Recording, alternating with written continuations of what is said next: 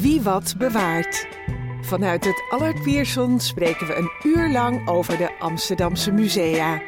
Over de tentoonstellingen, de collecties en het werk van de conservatoren. Wie wat wil weten over kunst en cultuur in Amsterdam, luistert naar Wie wat bewaart.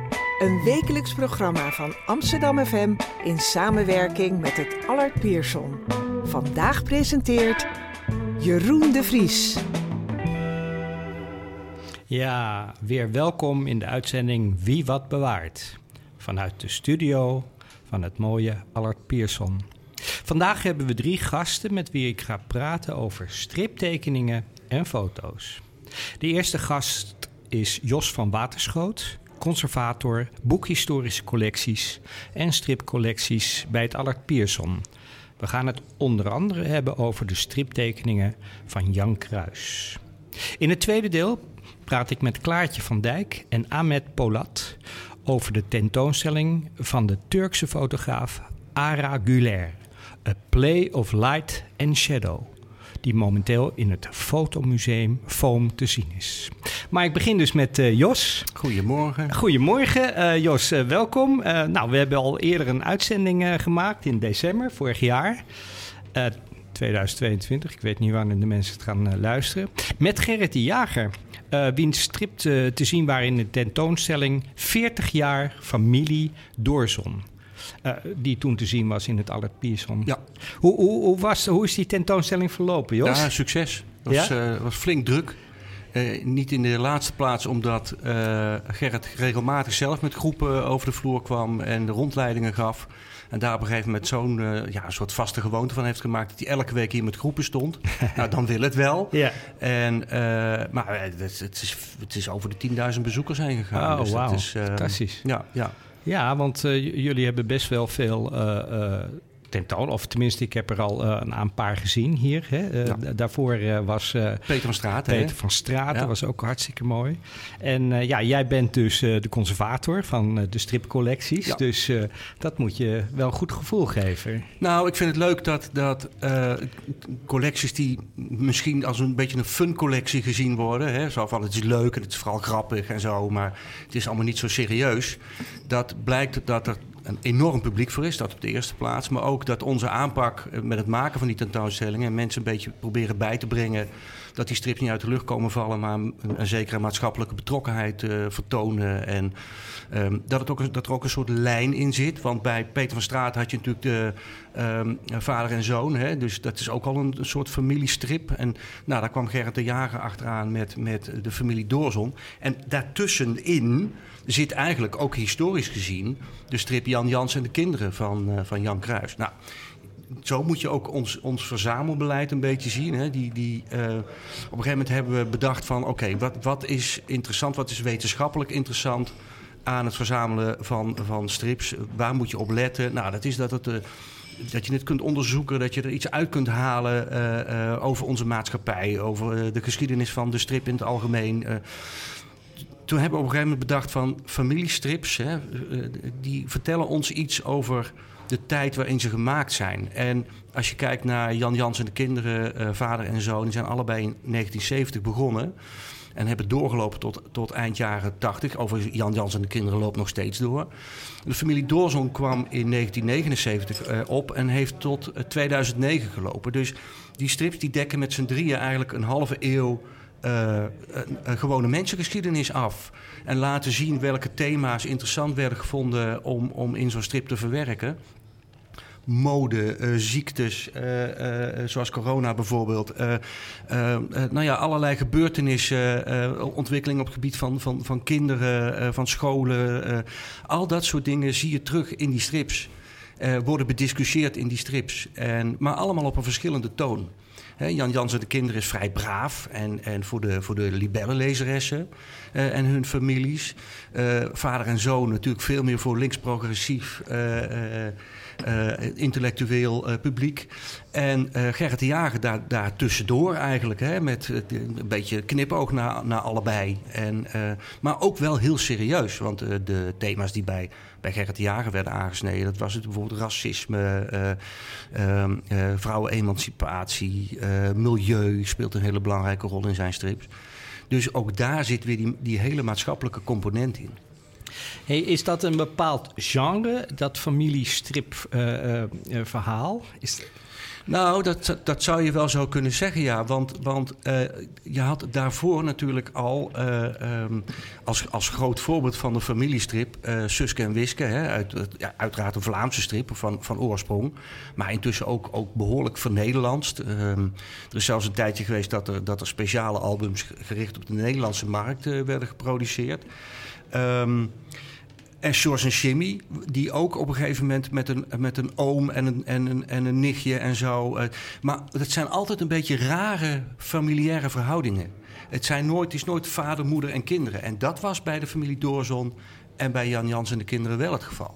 En bij Peter van Straat ook niet, hè? want dan heb je een vader en een zoon. Je vraagt je af, waar is die moeder? Uh, zijn er nog andere kinderen of zijn die er geweest?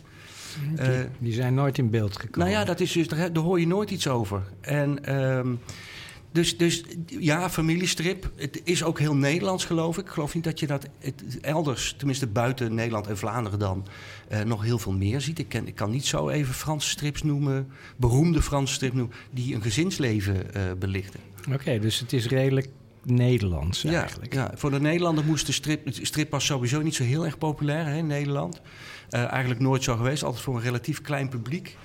Um, ik zou bijna geneigd zijn te zeggen: Nederlanders zijn niet zo van plaatjes. Okay. Maar ik wil het foam natuurlijk niet. Uh... Gaan we zo. Ja, maar we hebben het vandaag ja, over plaatjes. Maar ja, het gaat over plaatjes vandaag. het gaat over plaatjes. Uh, maar, maar uh, oh, is dat zo? Nederlanders houden niet van plaatjes. Denk nou, Zuid-Nederlanders wel. Hè? Het, onder de rivieren strips in Vlaanderen. Het razend populair.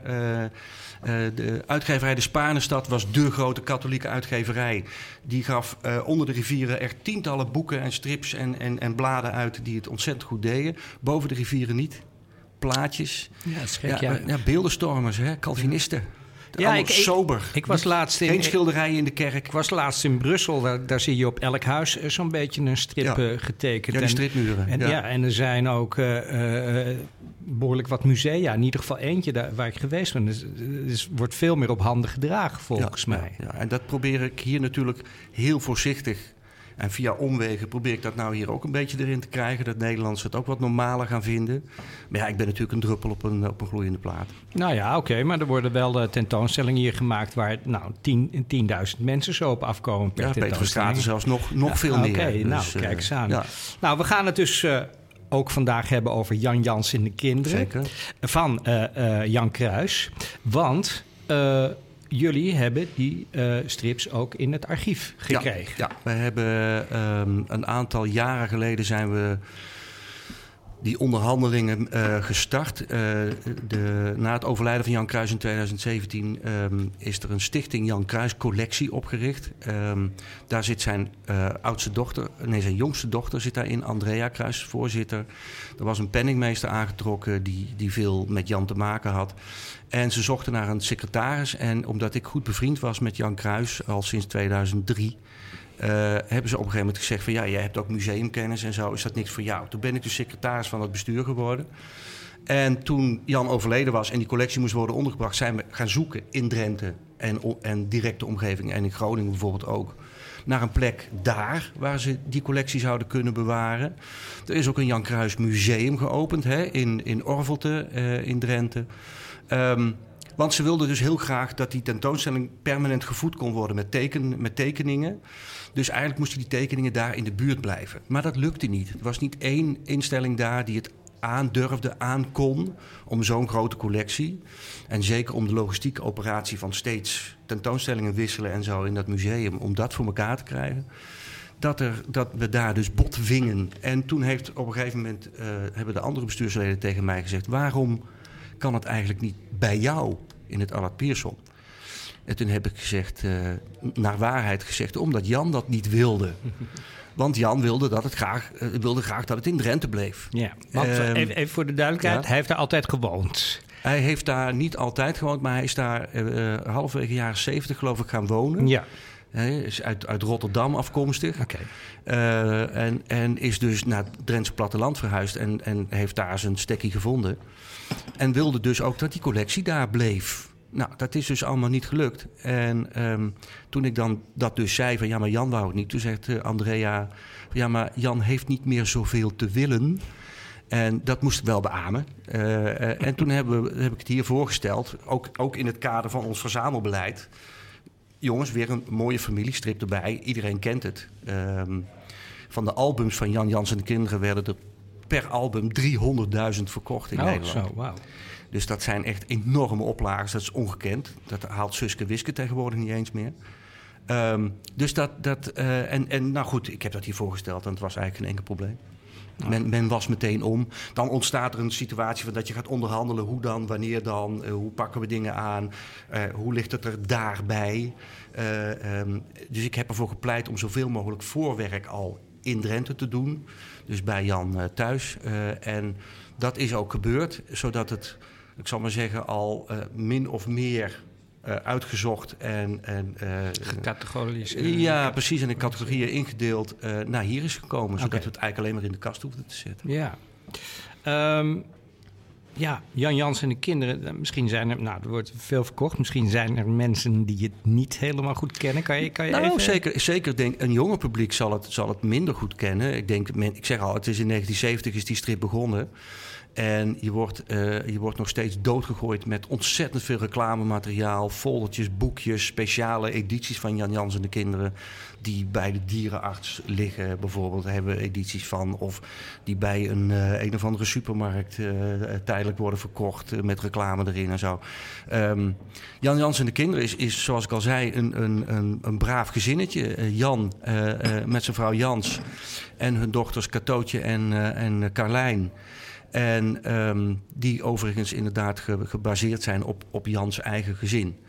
En um, nou ja, die dagelijkse beslommeringen, uh, het naar school gaan, uh, vriendjes. Uh, um, Jans die wil gaan werken, Jans die op latere leeftijd opnieuw moeder wordt, hè, een nakomertje.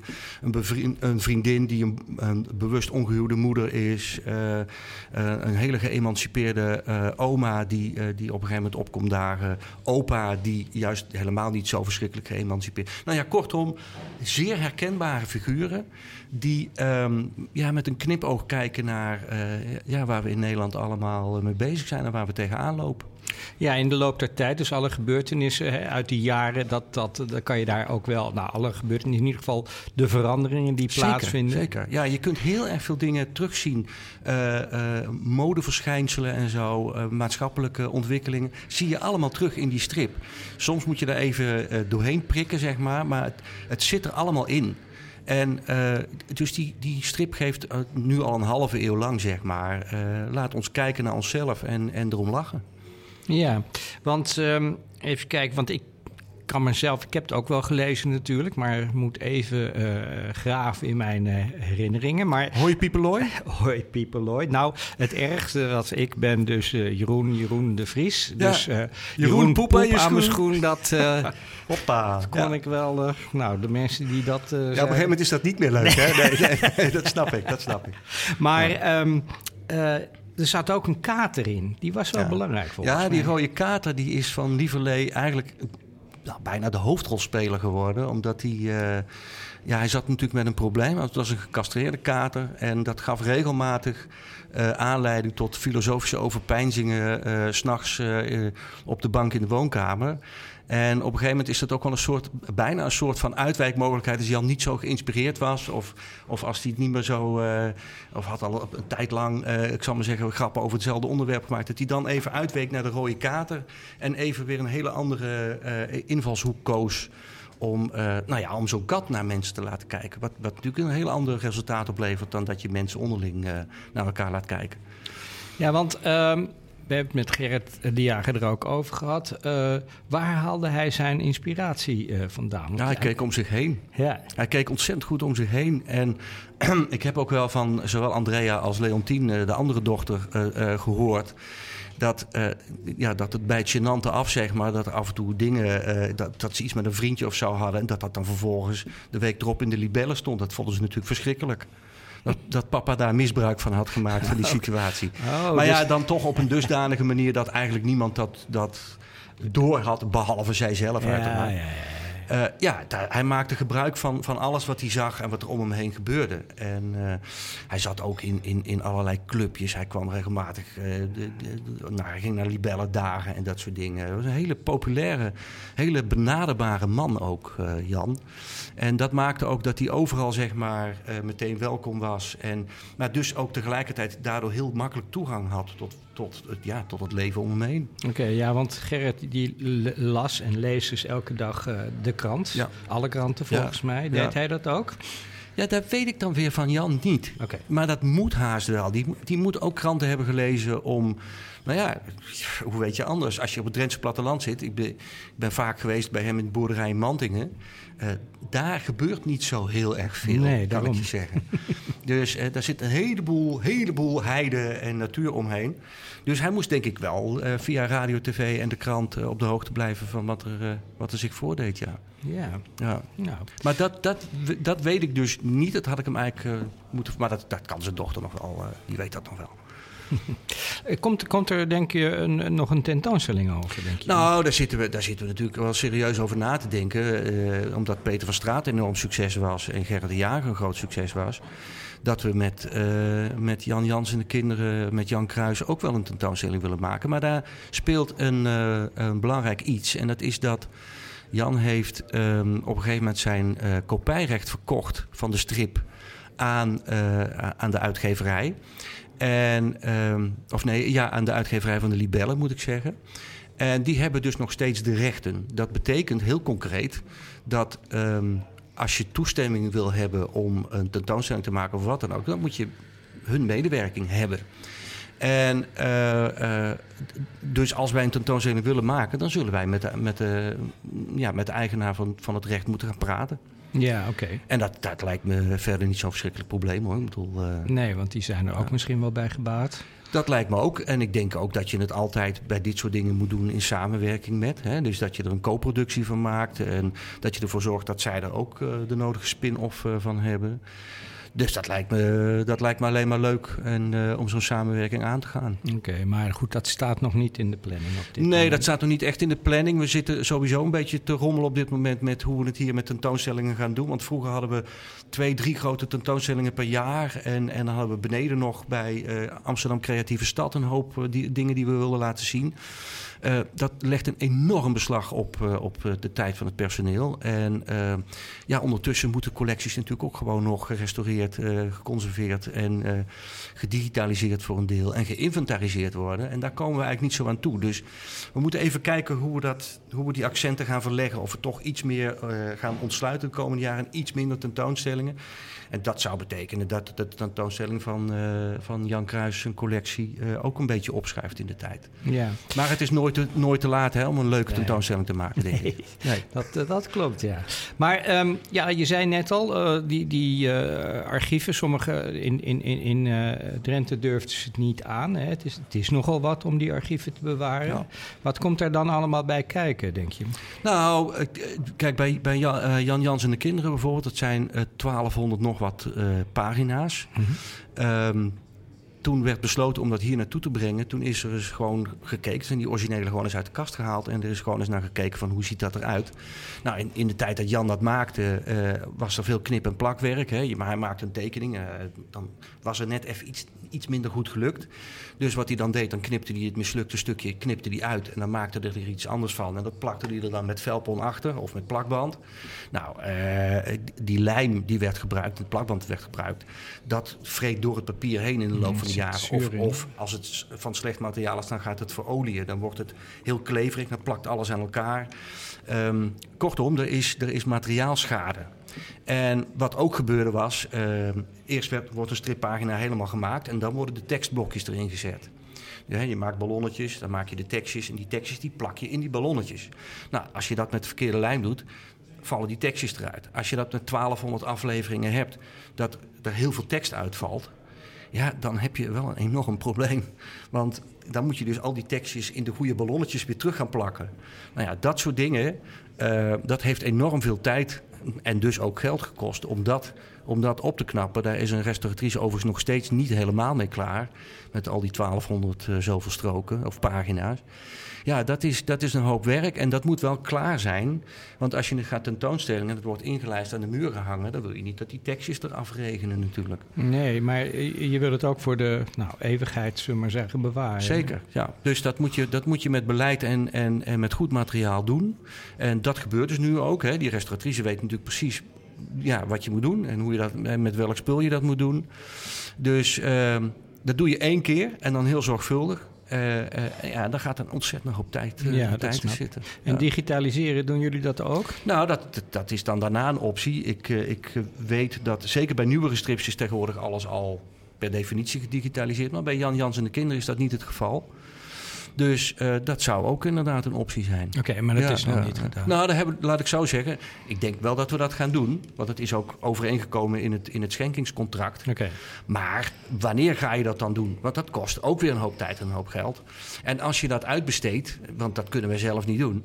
dan is het dus een tijd niet beschikbaar voor onderzoek, voor tentoonstellingen en noem maar op. Dus dat zijn allemaal dingen die je goed moet overdenken van tevoren. En even moet uitrekenen van uh, hoe lang gaan we dit waar naartoe doen. Ja. Hey, jullie hebben nog andere uh, tekenaars in, in, in, in, in de collectie? Ja, ja. Zeker. Welke? Nou, we hebben bijvoorbeeld... Uh, de, een van onze eerste grote uh, um, collecties die we verworven hebben... was uh, Alfred Mazure, Dick Bos strip. Dat is echt voor, voor opa verteld. Want Dick Bos strips die werden, die begonnen in 1940 te lopen... en zijn begin jaren 70 gestopt. Dat was dus een, een, een Nederlandse detective, hè, Dick Bos... Uh, uh, en die, um, die boekjes die hebben het zo ontzettend goed gedaan. Daar werden er tienduizenden, honderdduizenden van verkocht. En wij hebben dus van vrijwel alle verhalen, alle 72 verhalen die er zijn verschenen, hebben wij de originele tekeningen uh, liggen. Maar we hebben ook van Henk Sprenger, de tekenaar van Piloot Storm en Kik Wilstra. Dat zal zeker een heleboel mensen nog wel wat zeggen. Als, tenminste, mensen van boven de 60, zou ik maar zeggen. um, dat, dat, dat waren in de jaren 50 en 60 razend populaire strips. Die ook heel veel mensen kennen. En, en nou ja, goed, daar hebben we ook alle originele tekeningen van. Ja. Althans van Piloot Storm, niet van Kik Wilstra. Oké, okay, ja. Nou. Kik Wilstra was gewoon een verbastering van drie namen, heb ik begrepen. Ja, dat was uh, uh, Kik... Ja, help me even. ik, weet het, ik weet het ook niet meer zo, maar dat is natuurlijk ook van ver van, mij, voor ah, mijn ja, tijd. Kik Smit, uh, Vaas Wilkes en Abel Lenstra. Zie je nou? Dat zou ik natuurlijk zo paraat moeten hebben. Hè? Maar ja, ik ben dan ook uh, geen voetbalconservator, maar stripconservator. ja. Hebben jullie nog meer uh, in het uh, archief? Ja, ja, ja, we hebben ook van een van de allereerste beroepsmatige striptekenaars, Henk Bakker die uh, in uh, de Rotterdamse, Rotterdamse nieuwsblad zeg maar, strips maakte in de jaren 20 van de, van de, van de 20e eeuw, dus uh, 1920, 19, 1930. In die periode heeft hij strips gemaakt. En daar hebben we ook van 80 verhalen de originele tekeningen in huis. Um, we hebben van uh, professor Palmboom uh, hebben we alle tekeningen in huis. Nou ja, het, heel veel los materiaal, ook wat kleinere tekeningen. We hebben ook een vrijwel compleet stripverhaal van Hans Kresse in huis. Dat is eigenlijk wel dat is heel weinig, maar het is wel een pareltje. Dat is wel heel bijzonder. Het zijn prachtige, prachtige tekeningen. Maar het is allemaal oud spul, hè? Het is, uh, nee, dat is tegenwoordig maken tekenaars uh, tekenen heel veel digitaal. Ja. Um, dus ik denk ook, ik zit ook te kijken, natuurlijk een beetje vooruit te kijken van waar gaan we met onze stripcollectie naartoe? Uh, ja. Moeten we niet ook digitaal gaan verzamelen? dat is overigens universiteit, ik zal maar zeggen, Allard Pierson breed, een soort van vraag van. We hebben allerlei collecties, uh, uh, maar hoe gaan we de digitale collecties die daar nu op aan gaan sluiten, hoe gaan we die verzamelen? Ja, dat, dat is een grote zorg. Dat is een zorg. Ja, zorg, want, want, want digitalisering is nu natuurlijk al 20, 25 jaar de gewoonste zaak van de wereld. Ja. En we hebben er steeds naar zitten kijken van, goh, wat interessant en spannend allemaal, maar we hebben er nooit ik zal maar zeggen, actief bij bedacht van... oh ja, dat moeten we ook verzamelen. Want dan denk je van ja, dat wordt vastgelegd. Dat, ligt, dat zit op floppies en op cd's en weet ik veel. Maar ja, floppies, wie kan ze nog lezen? Nee, hè? Dus ik bedoel, uh, dat is een groot probleem. Ja. En uh, nou ja. Oké, maar oké, dus daar zijn jullie ook mee bezig van hoe, hoe kan je de huidige ja, de strips uit de huidige tijd. Uh, maar en, en andere dingen. Hè. De, we hebben hier uh, open kaarten. Dus, uh, geldt Ja. hetzelfde natuurlijk. Ja, Hebben nou ja, het ook over gehad. digitale kaarten en zo. Ja, daar heb je het ongetwijfeld met Reiner over gehad. Ja, Eh, dat, zijn, dat is ook, ook zo'n ding. Dus het is, eh, ja, voor een bibliotheek eh, we moeten anders gaan denken. We denken natuurlijk altijd in papier, in, in originele tekeningen, en zo in boeken en kaarten. Maar ja, het gaat echt veranderen. Het is, al, het is al veranderd en wij moeten er achteraan veranderen, zal ik maar zeggen. oké. Nou, hartstikke bedankt. eh, en succes eh, met die verandering, zullen we maar Ja, zeggen. dankjewel. En ik hoop ook Ik dat... hou we- me hard vast. Ja, oh, nou, nee, dat komt wel Nee, goed. komt goed, komt goed. Nou, dankjewel voor dit interview. Graag gedaan. Ehm, ja, aan tafel zitten dus ook Klaartje van Dijk en Ahmed eh, Polat. Eh, we gaan het hebben over de fototentoonstelling in foam van de Turkse fotograaf Ara Güler. En we switchen nu even van plaats, dus eh, dan kunnen we hier beginnen. Nou, welkom. Klaartje en Ahmed. Dank. Eh, nou, misschien kan je even vertellen.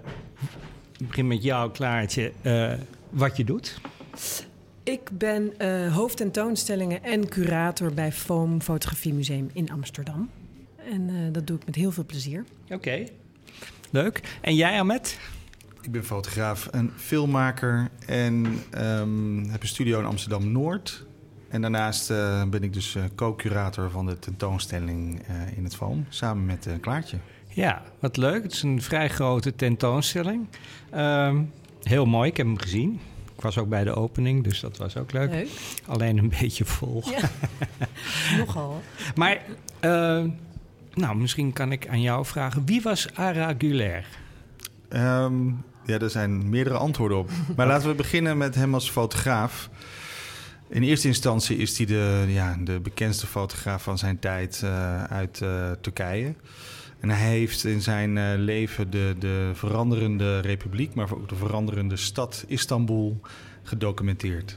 En ehm, daarmee internationale bekendheid eh, vergaard. En ehm, ja, is eh, echt in de, in de, de, de in-crowd, zeg maar. De fotografen onderling wisten hem ook altijd te vinden. Dus internationale fotografen die naar, eh, naar Istanbul kwamen. Kwamen ook echt eh, bij hem langs, vriendschappelijk of als een soort bedevaart... om even bij Ara langs te gaan. Ehm, en Ara Güler is daarnaast voor mij persoonlijk ook een heel groot voorbeeld... of de, ja, de eerste toegang tot het begrijpen van wat er nou eigenlijk allemaal in Turkije gebeurde de afgelopen jaren. Dus ik ben zelf fotograaf, hier opgevoed met eh, de klassiekers zoals eh, Ed van der Elske, die we allemaal kennen. Ehm, eh, maar ik zocht naar ja, andere stemmen, andere perspectieven en vond in hem een, ja, een, een, een, een toegang tot een nieuwe wereld. Nou, fantastisch. Want eh, eh, hij, hij leefde van 1928 tot 2018. Klopt. Dus het was ook vooral de periode 40, 50 jaren, 60 jaren dat hij heeft gefotografeerd. Klopt dat? Nou, nee, hij heeft ook wel later. ja, eh, nee, nee, maar dat, dat ook toen fotografeerde hij ook al. Precies, ja, ja, zeker. Ja, ja, zeker. En ik, ik, en ik ken hem eigenlijk pas vanaf 2003, 2004 ongeveer. Of wist ik van zijn bestaan af. Dus voor die tijd was het voor mij eh, ook onbekend. Maar toen ik zijn werk ontdekte, dacht ik van... waarom weet ik niks van deze fotograaf af? Hij had zoveel al gedaan en zijn oeuvre was al zo eh, rijk. Ehm, en ja, en pas veel later kom je erachter hoe rijk en hoe diep eh, zijn werk is. En dat hebben we samen met, met Klaartje mogen ontdekken en ontrafelen de afgelopen jaren. Eh, heb je hem zelf ook ontmoet? Ja, meerdere malen. Het, het was een interessante man om te ontmoeten. Ik, ik vertel wel eens over de eerste ontmoeting die ik ooit met hem gehad had. Ik was op zoek om te kijken of ik mijn werk kon laten zien. Als jonge fotograaf wil je natuurlijk altijd je portfolio laten zien aan iemand. En ehm, ik had eh, mooie printjes meegenomen naar Istanbul en eh, aan iemand gevraagd van heb je zijn nummer? En die had zijn nummer. En ik had hem gelijk gebeld en kreeg een snerpende stem van zoiets van eh, wat mot je? Maar ook zo van eh, wanneer kom je? Wanneer ben je er? Nou ja, kom maar morgen langs. Dus ik ben echt de dag daarna met mijn werk eh, best zenuwachtig naar hem toe gegaan. En dan kom je dus midden op de Istiklal. Dat is de, nou ja, de grote winkelstraat in de, in de stad. In Istanbul. In Istanbul. En daar um, um, midden op die straat uh, staat een, een, klein zijstraatje, een tussenstraatje. Arra betekent ook uh, er tussenin. Hè? Dus okay. het, het, is een, een, symbolische naam ook. En daar heb je het café met zijn naam. En dan kom je in zijn uh, woning en dan ga je drie trappen, draaitrappen omhoog. En dan zie je de ene bekende internationale artiest van uh, Dali tot Picasso. En uh, je denkt bij jezelf van oké, dit is... Uh, Want die heeft hij ook gefotografeerd? Die heeft hij allemaal geportretteerd. Dus het is, hij, hij, hij had, was toen al heel bewust van het theater wat hij aan het creëren was. je, je ging echt, wat ik al zei, op bedevaart bij hem. En dan kwam je boven in zijn, in zijn, um, in zijn studioruimtes. En dan links en rechts zag je alleen maar dozen vol met negatief. En ik wist gewoon van oké, als beginnend fotograaf is dat best indrukwekkend. En dan drie ruimtes verder, dan kwam je bij zijn bureau. En aangekomen wou hij gelijk mijn werk zien. En binnen vijf minuten had hij alles doorgelopen. En zei hij van, nou, dit is geen kunst, zei hij. Maar hij zei van, je moet gewoon... Je moet meer, ja, hij was er gelijk kritisch. Maar je moet gewoon meer werken met, uh, met licht en schaduw. Misschien vandaar ook de inspiratie Ja, ja. deze naam. En ook contrasten. Nou, ik was natuurlijk helemaal niet met hem eens. En uh, als eigenwijze Hollander uh, ging ik er gewoon recht tegenin. Maar vooral vanuit het werk. Dus ik ben gewoon heel veel werk gaan maken. En misschien heeft het ook wel een, een push ge gegeven in mijn carrière. Hij heeft jou geïnspireerd. Zeker te weten. Ja. Klaartje, waarom deze tentoonstelling? Nou, dat is een... Vanuit Foam dan? Ja, precies. Ja. Nou, het is, uh, het is onderdeel van een groter project. Uh, maar specifiek Aragulair... Uh, nou, laat ik zeggen heel even. Het, het grotere project heet Kismet. En daar kijken we eigenlijk naar de visuele beeldcultuur van Turkije. Um, en enerzijds uh, is uh, daar de historische component van. En anderzijds laten we hedendaagse beeldmakers, uh, tonen we hun werk. om dus die, die, die hedendaagse component te laten zien. En Aragulair, nou, um, hij was ja, bijna vanzelfsprekend um, de, de gekozen fotograaf om een historisch uh, beeld te laten zien, of, of, zijn werk te laten zien. Omdat hij, nou, hij was in dus 1928 geboren. toen bestond de Turkse Republiek net vijf jaar. En hij heeft eigenlijk dus in al die tijd dat het land door zoveel verschillende ontwikkelingen ging, was hij daar om dat ook echt allemaal vast te leggen. Um, dus deze tentoonstelling is ook een beetje tweeledig. Aan één kant, uh, dus binnen Kismet geeft het dit overzicht van die ontwikkelingen die zich in Turkije hebben voorgedaan. Um, en anderzijds is hij gewoon een hele belangrijke fotograaf. Uh, die eigenlijk vrij weinig bekendheid heeft uh, uh, binnen de wereld van de fotografie, om het maar zo te zeggen. Um, en wij vinden het als FOAM belangrijk om um, nou ja, zo, zogenaamde ongeziene verhalen, ik noem het graag onbekende iconen, want hij is zeker net zo sterk als zijn tijdgenoten, maar onbekend eigenlijk.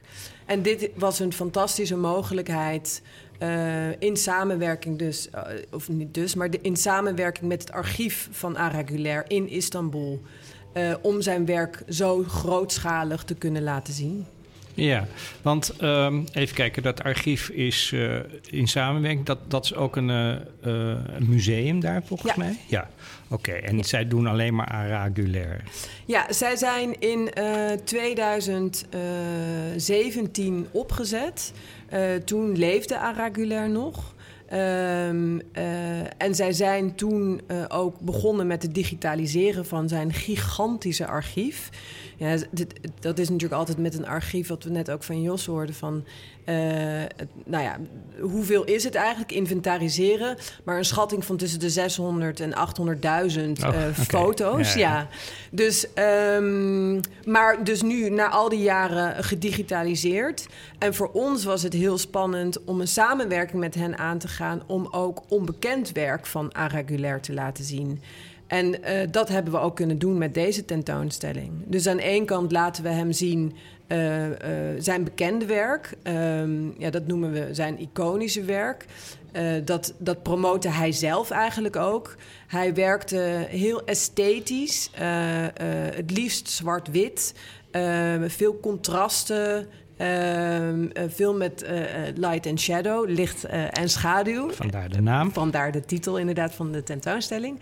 Um, dus, eh, maar eh, wij kwamen er dus achter van... hij had echt nog zo ontzettend veel meer... wat, uh, wat ik niet kende en wat Ahmed uh, uh, ook niet kende. Dus dat was heel spannend ook om deze samenwerking... dus met het archief zelf aan te gaan. Jullie zijn erheen gegaan, hebben foto's gekeken. Want hoe kom je dan op, op, op de selectie? Ja, dat is een proces. ja. um, ja, inderdaad. Dus we hebben een eerste, het eerste contact was in 2021. Ja, met, met, met het archief. Ja, ja, ik, ik, kende ze natuurlijk ja, al. Ja, jij kende ze al. Ja, dus voor mij waren ja. ze bekend, uh, bekend terrein.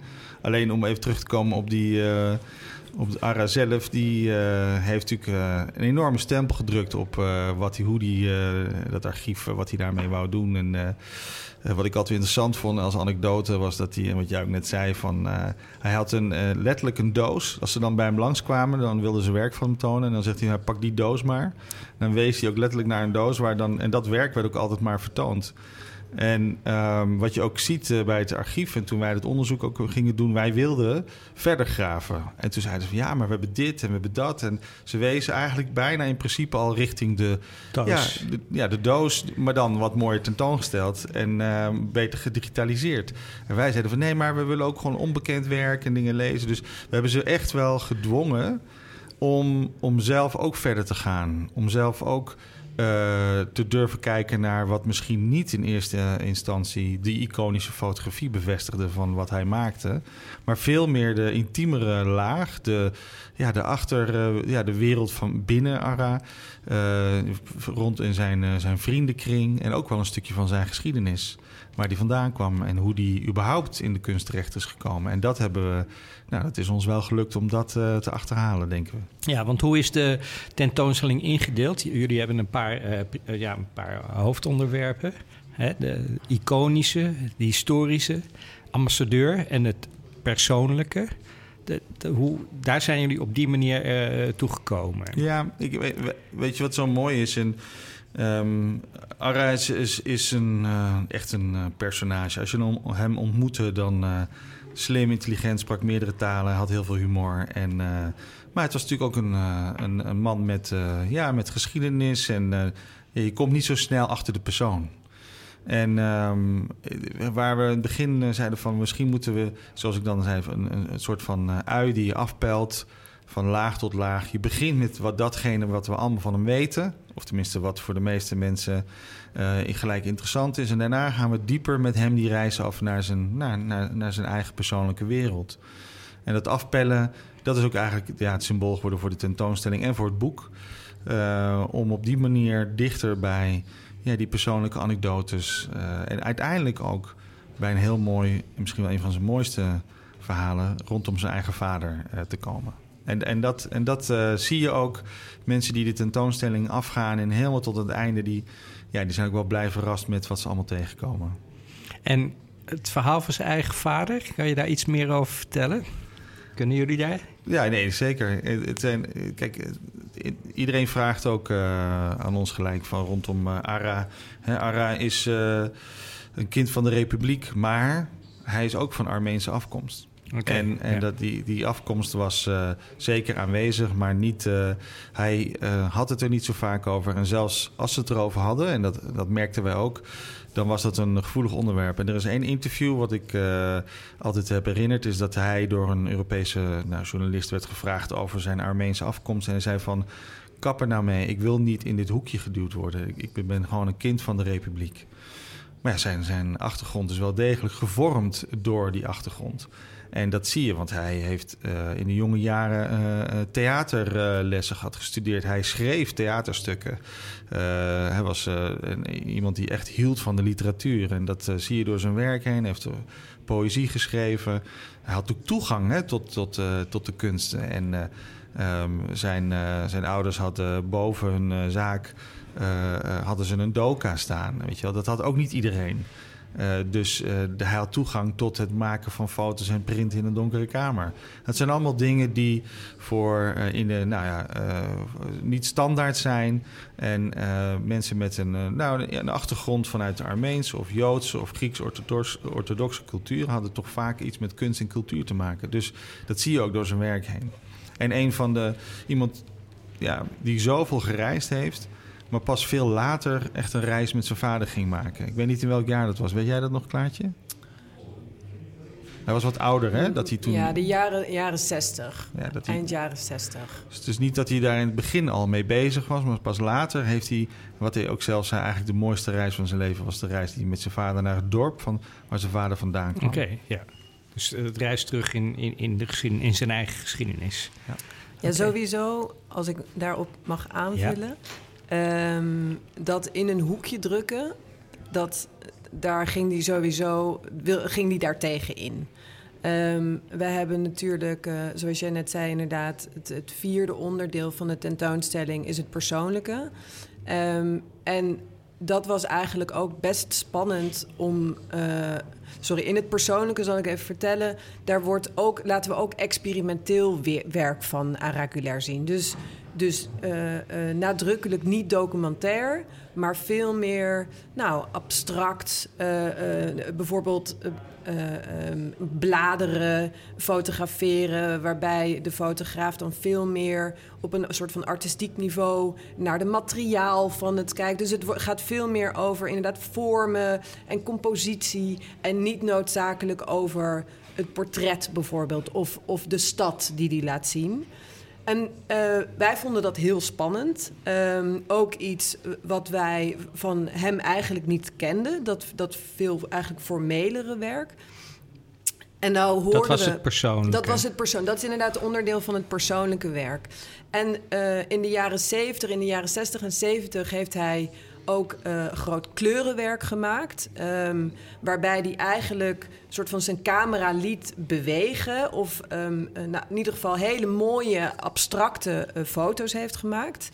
Um, en dan gaat het verhaal, en dit is allemaal in gesprek met het archief. Dus dit zijn allemaal hele interessante anekdotes. Dat hij dus in die tijd dat werk maakte. Wat natuurlijk totaal anders was dan het documentaire werk waar hij bekend om was. En een van zijn vrienden, uh, een, een, Turkse kunstenaar, die vond dat fantastisch. En die raakte daar heel erg door geïnspireerd. En die, die voelde van Aragulair, de, de fotojournalist, gaat een heel nieuw, nieuw pad in. En die dusdanig was hij geïnspireerd dat hij er ook een, een, uh, een stuk over schreef in een, uh, in een krant. Nou, daar was Aragulair niet uh, van gediend. Okay. Uh, want ook hier, uh, hier weer werd hij in een hoekje geduwd van um, fotojournalist en ineens is hij kunstenaar. Um, dus dat, dat, dat positioneren, daar, nee, daar was hij niet van gediend. Nee, dat, dat wilde hij helemaal niet. Het kunstenaarschap was ook iets, en dat weet ik zelf ook als, als kind van een uh, Turkse vader. Uh, ik zei tegen mijn vader: ik ga niet naar de kunstacademie, ik ga journalistiek studeren. Want journalistiek, dat had aanzien. Dat had een soort intellectuele of een academische kadrering die, die geaccepteerd werd en zelfs gevierd werd. Maar kunstenaar, wat moet je daarmee? En zeker in die tijd. Dus, um, uh, dus het, het zal wel meer, meer laag hebben, maar hij was er zodanig niet van gediend dat ze die vriendschap had gestopt en dus ook niks meer mee te maken had. En misschien daarom oh, ook wel. Ja, ja, ja, ja. hij noemde zichzelf ook nooit uh, kunstenaar. Het was een journalist of een historicus. Ja. Of wel een historicus. Ja. Oké, okay, want ik heb ook een aantal mooie foto's gezien. Bijvoorbeeld van de Mount Ararat. Waar hij uh, op zoek was naar het, uh, het uh, ja. schip van Noah, volgens mij. Daar heeft hij ook foto's over gekregen. Vond ik heel interessant. Ja, dat is ook inderdaad. Uh, dus het, het, uh, een van de onderdelen is, uh, is het historische, is, is Araculair eigenlijk als, als historicus. Dat was eigenlijk het geschiedschrijven, het vertellen van het documenteren van verhalen was voor hem echt essentieel voor zijn werk. Hij, dus het was ook een heel belangrijk onderdeel van de tentoonstelling. En hij documenteerde natuurlijk de stad, uh, zijn land, uh, de wereld eigenlijk als geheel. Maar dat historisch, dat documentaire van het archeologische werk in Turkije, waar jij naar verwijst, dat heeft hij inderdaad ook heel nadrukkelijk gedaan. Want voor hem was dat ook het vastleggen eigenlijk van de geschiedenis van het land. Namelijk ook de overblijfselen van het Ottomaanse Rijk. Um, nou heeft hij dat heel veel, hij heeft heel veel verschillende uh, plekken, zo gezegd, gefotografeerd. Maar inderdaad, de ark van Noah is een, is een hele interessante. Hij heeft uh, drie keer is hij op expeditie gegaan. Uh, daar heeft hij ook internationaal heeft hij daar uh, bijvoorbeeld nou, Live Magazine uh, heeft hij daar meegehaald. Amerikaanse missionarissen die met hem meegingen om te kijken nou, waar dan de Ark van Noach zou liggen. Um, en op een gegeven moment in de jaren 60 heeft hij inderdaad een plek gevonden uh, uh, ook door uh, luchtfotografie, waar hij, ja, waarbij het lijkt dat je inderdaad de vorm van een boot ziet in die gigantische, um, ja, dat gebergte. Um, en dat, nou ja, tijdelijk werd inderdaad gezegd van, nou, dat zou mogelijk de Ark van Noach kunnen zijn. Het, is ook, het, mooie hieraan is dat er ook een, een soort van een mytholoog, uh, mythologische sfeer ontstaat van is het nou een geschiedenis, geschiedschrijving of is het, creëren we nu een mythe? En dat is ook het, het, het, ja, wat ik interessant vind aan die hele geschiedschrijving, uh, zeker van de Republiek. En dat heb ik zelf ook meegemaakt met mijn vader. Dan gingen we soms uh, muntjes zoeken op plekken waar misschien wel een graf had gelegen of iemand was geweest. En dat is ook, denk ik, vooral omdat toen de Republiek ontstond, hebben ze gekozen om de Latijnse taal aan te gaan houden. Dus ze zijn het schrift gaan veranderen. Ze zijn dus eigenlijk die hele geschiedenis van het Ottomaanse Rijk en alles daarvoor hebben ze stopgezet. Zijn ze mee gestopt, letterlijk. En uh, al die voorwerpen en de dingen die we tegenkwamen, die werden ook niet meer onderwezen. Want het, Kemal Atatürk die had zich gericht op Europa. En dat was het, het, nieuwe, de nieuwe visie voor de toekomst van uh, deze jonge republiek. Maar wat je dan krijgt, als je dan één of twee generaties doorgaat en je groeit op en je denkt van hé, hey, uh, pa, wat is dat nou? Uh, wat, wat, wat, wat is dat gebouw wat daar staat? Oh ja, dat is, ja, ja, dat is gewoon een ornament of een steen, maar dat blijken dus gewoon Griekse tempels te zijn en dat soort dingen. Dus die, het is een onderdeel van, je kan zeggen van is Ara nou uh, ja, is hij nou echt, uh, uh, heeft hij dit nou gefantaseerd? Of is hij gewoon op zoek naar draadjes waarmee hij weer het verhaal gaat vertellen? En dat maakt het ook zo mooi om zijn werk en zijn, zijn, zijn geschiedschrijving te volgen. Ja, want, want wat ik ook gezien heb is dat hij een aantal dingen heeft gefotografeerd die later op de werelderfgoedlijst zijn gekomen. Dus in die zin heeft hij al groot belang ook voor Turkije, denk ik. Uh, of in ieder geval voor de geschiedenis van uh, ja, Turkije. Ja, enorm. Mensen vroegen wel eens van of hij nou een activist is. Hè? En dat is, hij is niet iemand die uh, statements maakte, politiek gezien of wat dan ook, of ging demonstreren. Maar hij richtte zijn camera op onderdelen waarvan hij zei van dit is belangrijk. En zo heeft hij het, dorpje, de Aphrodisia is daar ook een voorbeeld van. Er staat ook in de tentoonstelling een, mooie selectie werken van daar richt hij dus een camera op mensen die gewoon hun leven leefden. Maar in de bouw of in de samenstellen van hun woningen zag je opeens ja, klassieke stenen met, uh, met wat, wat doet denken aan een, wat ik net zei, of van een tempel of van een, een gebouw wat over is gebleven. van misschien nogal voor het Ottomaanse Rijk, dus het Byzantijnse Rijk. Maar mensen leefden daarmee. Die deden daar de was op. Die slachten daar een schaap op. Die, die zaten erop als bankjes om daar een tijd te verdoen. Dus um, dat, die foto's zijn echt heel bijzonder om naar te kijken. Want je ziet dat mensen gewoon leven in hun geschiedenis, maar niet bewust zijn van die geschiedenis. En hij zorgde er weer voor dat die geschiedenis weer uh, waarde kreeg. En dat mensen met ja, het idee weer hadden van... oh, maar dit is heel belangrijk om te bewaren. En ja, nu zie je ook, als je nu teruggaat naar uh, die gebieden... dan zijn er ook musea om dit werk ook weer te kunnen zien. En ik denk dat dat een hele belangrijk aspect is van zijn, van zijn oeuvre en van zijn werk. Ja, en een ander uh, iets is, je zei dat hij niet zo bekend is. Maar hij heeft toch wel uh, ja, wereldwijd ook foto's Zeker. gemaakt. Ook voor uh, gerenommeerde bladen en Ja. zo. Ja. Um, kan je daar iets over vertellen? Zeker. Um, ja, nou, hij fotografeerde eigenlijk. Ja, nou, om heel even het af te ronden, namelijk. Uh, dat is eigenlijk het vierde onderdeel. Of eigenlijk binnen de tentoonstelling het derde onderdeel, want we eindigen met het persoonlijke. Maar die, uh, de ambassadeur is eigenlijk hoe we dat zien. Uh, namelijk dat hij als Turkse fotograaf uh, in het buitenland fotografeerde. Dus in Turkije bracht hij verhalen uit het buitenland naar Turkije. En in het buitenland bracht hij verhalen over Turkije naar het buitenland. Dus op die manier zorgde hij ook voor een wisselwerking. En hij was ook een van de fotografen die echt al heel snel... inderdaad met, voor Life Magazine werkte, voor Paris Match, voor Der Stern, uh, The Herald... Uh, al die zeg maar internationale bladen... Daar heeft hij, ja, daar, daar werd zijn werk in gereproduceerd.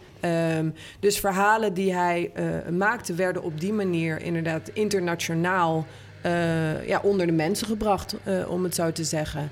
Um, maar wat, ja, wat interessant is, um, is dat hij natuurlijk in Turkije altijd heeft gewoond en gewerkt. Hij reisde wel heel veel, maar dat was wel zijn thuisbasis.